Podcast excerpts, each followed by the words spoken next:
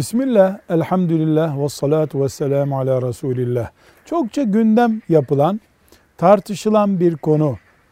İyi Müslüman olmak için bir gruba, bir cemaate bağlanmak mı gerekiyor? Kesinlikle hayır. İyi Müslüman olmak için daha çok Kur'an'a, daha çok sünnete bağlanmak gerekiyor. Daha çok ümmeti Muhammed çizgisinde olmak gerekiyor. Elbette cemaat olmakta rahmet vardır.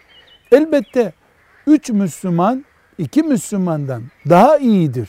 Elbette 30 Müslüman 20 Müslümandan daha iyidir bir arada durduklarında ama İslam, Müslüman, Kur'an kelimeleri bir araya geldiğinde beşerden birisi bir ideoloji olarak, bir kitap yazarı olarak daha çok öne çıkmamalı. Hep Kur'an, hep peygamber, hep ashab-ı kiram olmalı.